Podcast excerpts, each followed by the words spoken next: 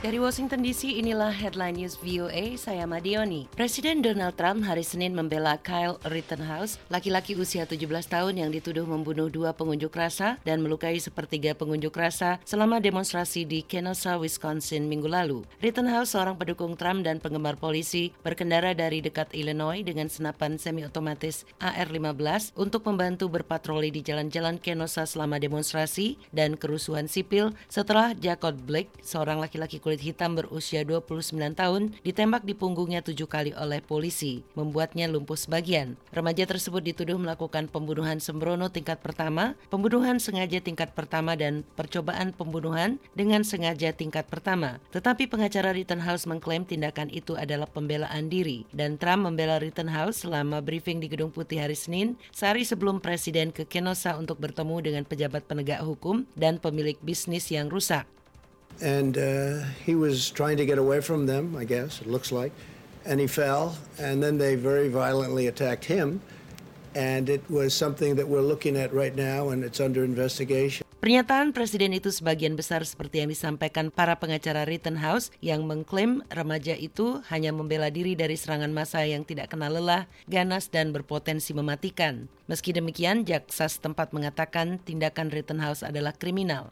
Organisasi teroris tampaknya memperketat cengkramannya di banyak wilayah Afrika, meskipun Amerika dan sekutunya terus berupaya untuk menekan kemampuan dan membatasi jangkauannya. Temuan-temuan itu bagian dari laporan baru yang dirilis Selasa oleh Inspektur Jenderal Departemen Pertahanan disampaikan ketika upaya yang dipimpin Amerika terpaksa menyesuaikan bahkan mengurangi aktivitasnya karena virus corona menyebar ke seluruh benua itu. Amerika dan mitra internasionalnya membuat kemajuan terbatas, tulis pejabat Inspektur Jenderal Sean O'Donnell dalam laporan triwulanan mengutip kemunduran terhadap afiliasi Al-Qaeda dan ISIS. Laporan tersebut memperingatkan penyebaran COVID-19 bukannya memperlambat kelompok teroris, tapi tampaknya memberi organisasi teroris lebih banyak peluang baru untuk berkembang.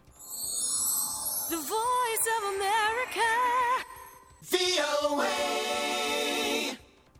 Setelah jeda pandemi hari Selasa, seribu lebih aktivis iklim Extinction Rebellion yang mengenakan masker kembali berunjuk rasa di jalan-jalan London. Mereka menyerukan tindakan yang lebih cepat untuk menghentikan pemanasan global, sementara pasukan polisi dalam jumlah besar mengawasi unjuk rasa. Dengan kembalinya Parlemen Inggris dari istirahat musim panas minggu ini, pengunjuk rasa memblokir alun-alun di depan gedung dan meminta legislator untuk membahas usulan RUU Darurat Iklim dan Ekologi. RUU itu bertujuan memperluas janji Inggris untuk mencapai bersih emisi pada tahun 2050 agar mencakup sektor-sektor yang sejauh ini dikecualikan seperti pengiriman internasional dan perjalanan udara dan agar tindakan ke arah pencapaian sasaran lebih cepat ditentukan oleh majelis warga. Yang terpenting adalah membuat pemerintah mengakui bahwa mereka terlalu lambat. Saat ini mereka tidak bertanggung jawab, kata Rhys Evans, usia 24, seorang aktivis Extinction Rebellion dan aktor yang memegang plakat bertuliskan Back the Bill.